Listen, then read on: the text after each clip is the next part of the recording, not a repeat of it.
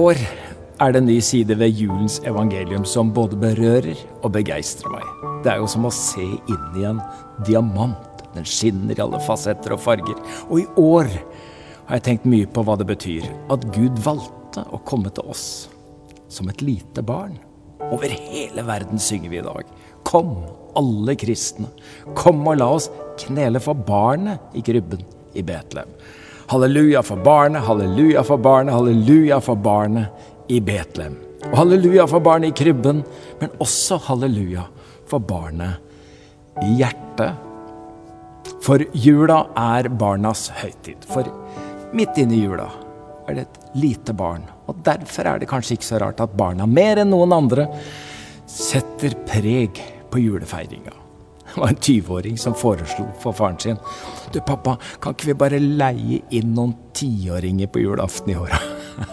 Han hadde oppdaget at han som 20-åring ikke lenger hadde den samme forventningen og begeistringen som tidligere. Der Jesus var, var det veldig ofte barn. Han trivdes med barna, og barna trivdes med han. Han løftet dem veldig ofte fram som forbilder for de voksne. Ikke at de voksne, barna skulle bli som de voksne, men motsatt. At vi voksne skulle bli som barn. I Lukas 18 sier han Sannelig, jeg sier dere, den som ikke tar imot Guds rike slik som et lite barn, skal ikke komme inn i det. Når vi voksne er barnslige, så betyr det jo at vi er umodne, og det er negativt. Men når vi voksne er barnlige, da er det noe positivt, for da har vi bevart den barnlige gleden og gløden, forventningen og begeistringen og tilliten. Så jeg kjenner igjen Carl Martinusens hjertesukk i julesangen. Å, kunne jeg bare bli barn igjen når juleklokkene klinger. Det var nok ikke tilfeldig at det var gjeterne som fikk høre julens evangelium første gangen. De representerer alle småfolk på alle steder til alle tider. Alle vi som ikke når opp, og som ikke strekker til. Gjeterne var jo ikke bare utendørs, de var utenfor. De var utenfor både det sosiale og det religiøse livet i Betlehem. De hadde mye erfaring med kjeltringer og ville dyr, men de hadde aldri hatt himmelbesøk og hørt englesang. Da Herrens engel sto foran dem, og Herrens herlighet lyste om dem, ble de overveldet av redsel. De ble rett og slett livredde. Så engelen sa, 'Frykt ikke. Ikke vær redde. Det er ikke en dommer.' men en frelser som er født. Og denne frelseren er ikke stor og skremmende. Dere skal finne et barn. Det kan være mange gode grunner til å være redd for en allmektig og allvitende Gud. Men ikke når Gud er et lite barn. Dere skal finne et barn så smått det som slår oss når vi holder et nyfødt barn i armene våre, er jo nettopp hvor smått allting er. Selv om alt er på plass, så er det sånn at vi nesten ikke tør å ta i de. De virker så skjøre og, og sårbare. Vi vil jo veldig ofte gjerne se for oss Gud som den store og sterke, mektige og imponerende, kanskje til og med litt skremmende og avskrekkende. Men det er en Gud som mange har behov for å forsvare seg mot. Aldri har den store Gud vært så liten som da han kom som et lite barn i Betlehem. Og kanskje det er denne litenheten og sårbarheten som gjør at de som er redde for ham, våger å nærme seg ham. Når den store og mektige Gud velger å nærme seg deg og meg i det lille og sårbare, så kan du allikevel være Gud. Dere skal finne et barn så nært og det er kanskje ikke tida nå for å snakke om nærhet når alt handler om å holde avstand. I en forretning så jeg et stort skilt der det sto 'Spre kjærlighet. Hold avstand'. Pandemien har jo virkelig snudd alt på hodet.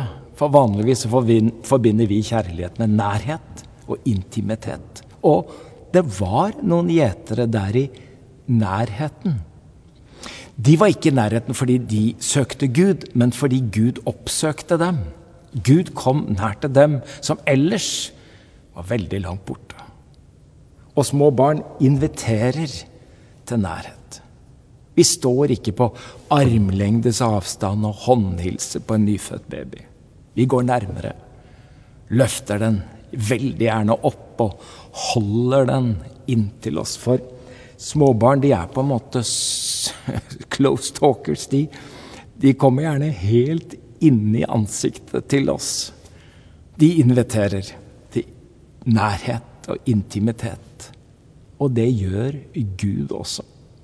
Under den første offisielle julefotograferinga på Kongssetra etter at Mette-Marit hadde kommet inn i familien med lille Marius på tre år, da ble alt annerledes. Og VG skrev Slik har du aldri sett dronning Sonja tidligere, krabbende på kne foran et isbjørnskinn. Men dronningen lot seg ikke be to ganger da lille Marius ville vise fram tennene til isbjørn som pryder gulvet i peisestua på Kongssetra, skrev VG. Tre år gamle Marius fikk dronningen på kne foran fotografene. For når vi voksne leker med barn, så skjer det noe med kroppsspråket vårt. Vi legger oss ned på gulvet, ruller rundt på teppet, krabber rundt i stua og finner på mange ting. Vi blir som barn igjen. Og I møte med små barn skjer det også noe med talespråket vårt. Vi som ellers snakker dannet og bruker vanskelige ord, begynner plutselig å snakke babyspråk med uforståelige godlyder som forhåpentligvis barnet forstår. Så jeg har veldig ofte tenkt på at kanskje tungetalen er et slags babyspråk i forhold til Gud. Ikke fordi Gud er et barn, men at jeg har behov for å være et barn innenfor Gud, og ikke alltid tenke så kloke tanker og finne disse formuleringene, men bare å få snakke et hjertespråk som jeg vet at pappa Gud forstår. Dere skal finne et barn, noe så trygt. For hvis det ikke var nok for de livredde gjeterne å få vite at de skulle finne et barn, så må de ha blitt beroliget da de hørte at dette barnet er svøpt og ligger i en krybbe. Ikke i en gullbelagt vugge i kongens palass, men i en uhøvlet krybbe med halm og strå. Krybbe og gjetere, det er perfekt match. For noe av det første vi tenker på når vi blir invitert på fest, det er jo nettopp det. Hvilken kleskode er det, hva skal vi ha på oss? Dette er jo et luksusproblem for oss som har klær for mange anledninger. Verre er det for de som bare har det de står og går i. Og gjetere på Jesu tid, det var fattigfolk. De hadde bare det de sto og gikk i. Så enten måtte de komme som de var, eller så måtte de la være å gå.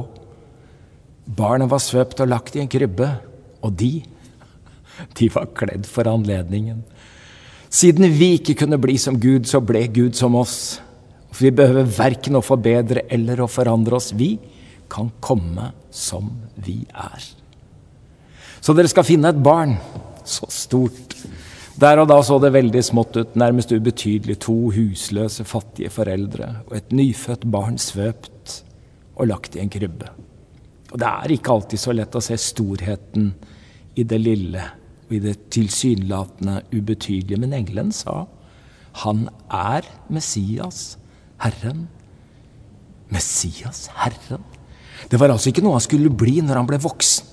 Det er noe han allerede var, som nyfødt barn. Og det var sikkert mange forestillinger og forventninger om hvordan Messias ville være når han kom, men ingen hadde sett for seg et lite barn svøpt og lagt i en krybbe.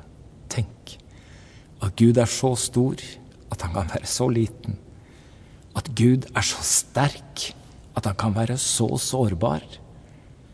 Den gamle Simon i tempelet så storheten i det lille barnet. Han tok det i armene sine, løftet opp og sa, 'Mine øyne har sett din frelse'. Han hadde jo enda ikke hørt Jesus si et eneste ord og sett Jesus gjøre et eneste under, men han visste at i dette barnet er alt verden trenger. En frelser. Det hadde profeten Jesaja sagt mange hundre år tidligere. For et barn er oss født. En sønn er oss gitt. Herreveldet er lagt på hans skulder. Han har fått navnet Underfull rådgiver, veldig Gud, evig far og fredsfyrste. Mange forestiller seg jo at om Gud skal møte dem, så må det være i det logiske og rasjonelle, i det voksne og intellektuelle. Og det er jo ikke noe som er galt med det, men kanskje Gud denne jula vil møte oss i det barnlige at vi i den barnlige tilliten kan forstå julas hellige evangelium og ta imot Guds gave. Så kanskje vi voksne behøver julas møte med barnet i Jesus, slik at vi igjen kan finne tilbake til det enkle og umiddelbare, det spontane og barnlige i vårt gudsforhold. Gjeterne de skyndte seg av sted og fant Maria og Josef og det lille barnet som lå i krybben. Så jeg håper at også du denne jula finner barnet i krybben, som finner barnet i hjertet. Så vi synger videre med Carl Martinussen. Så ring da, Guds klokker, til festers fest. Gi liv til barnet her inne. Vi reder deg leie, du himmelens sønn, og slipper deg ingensinne. Velsigna jul til deg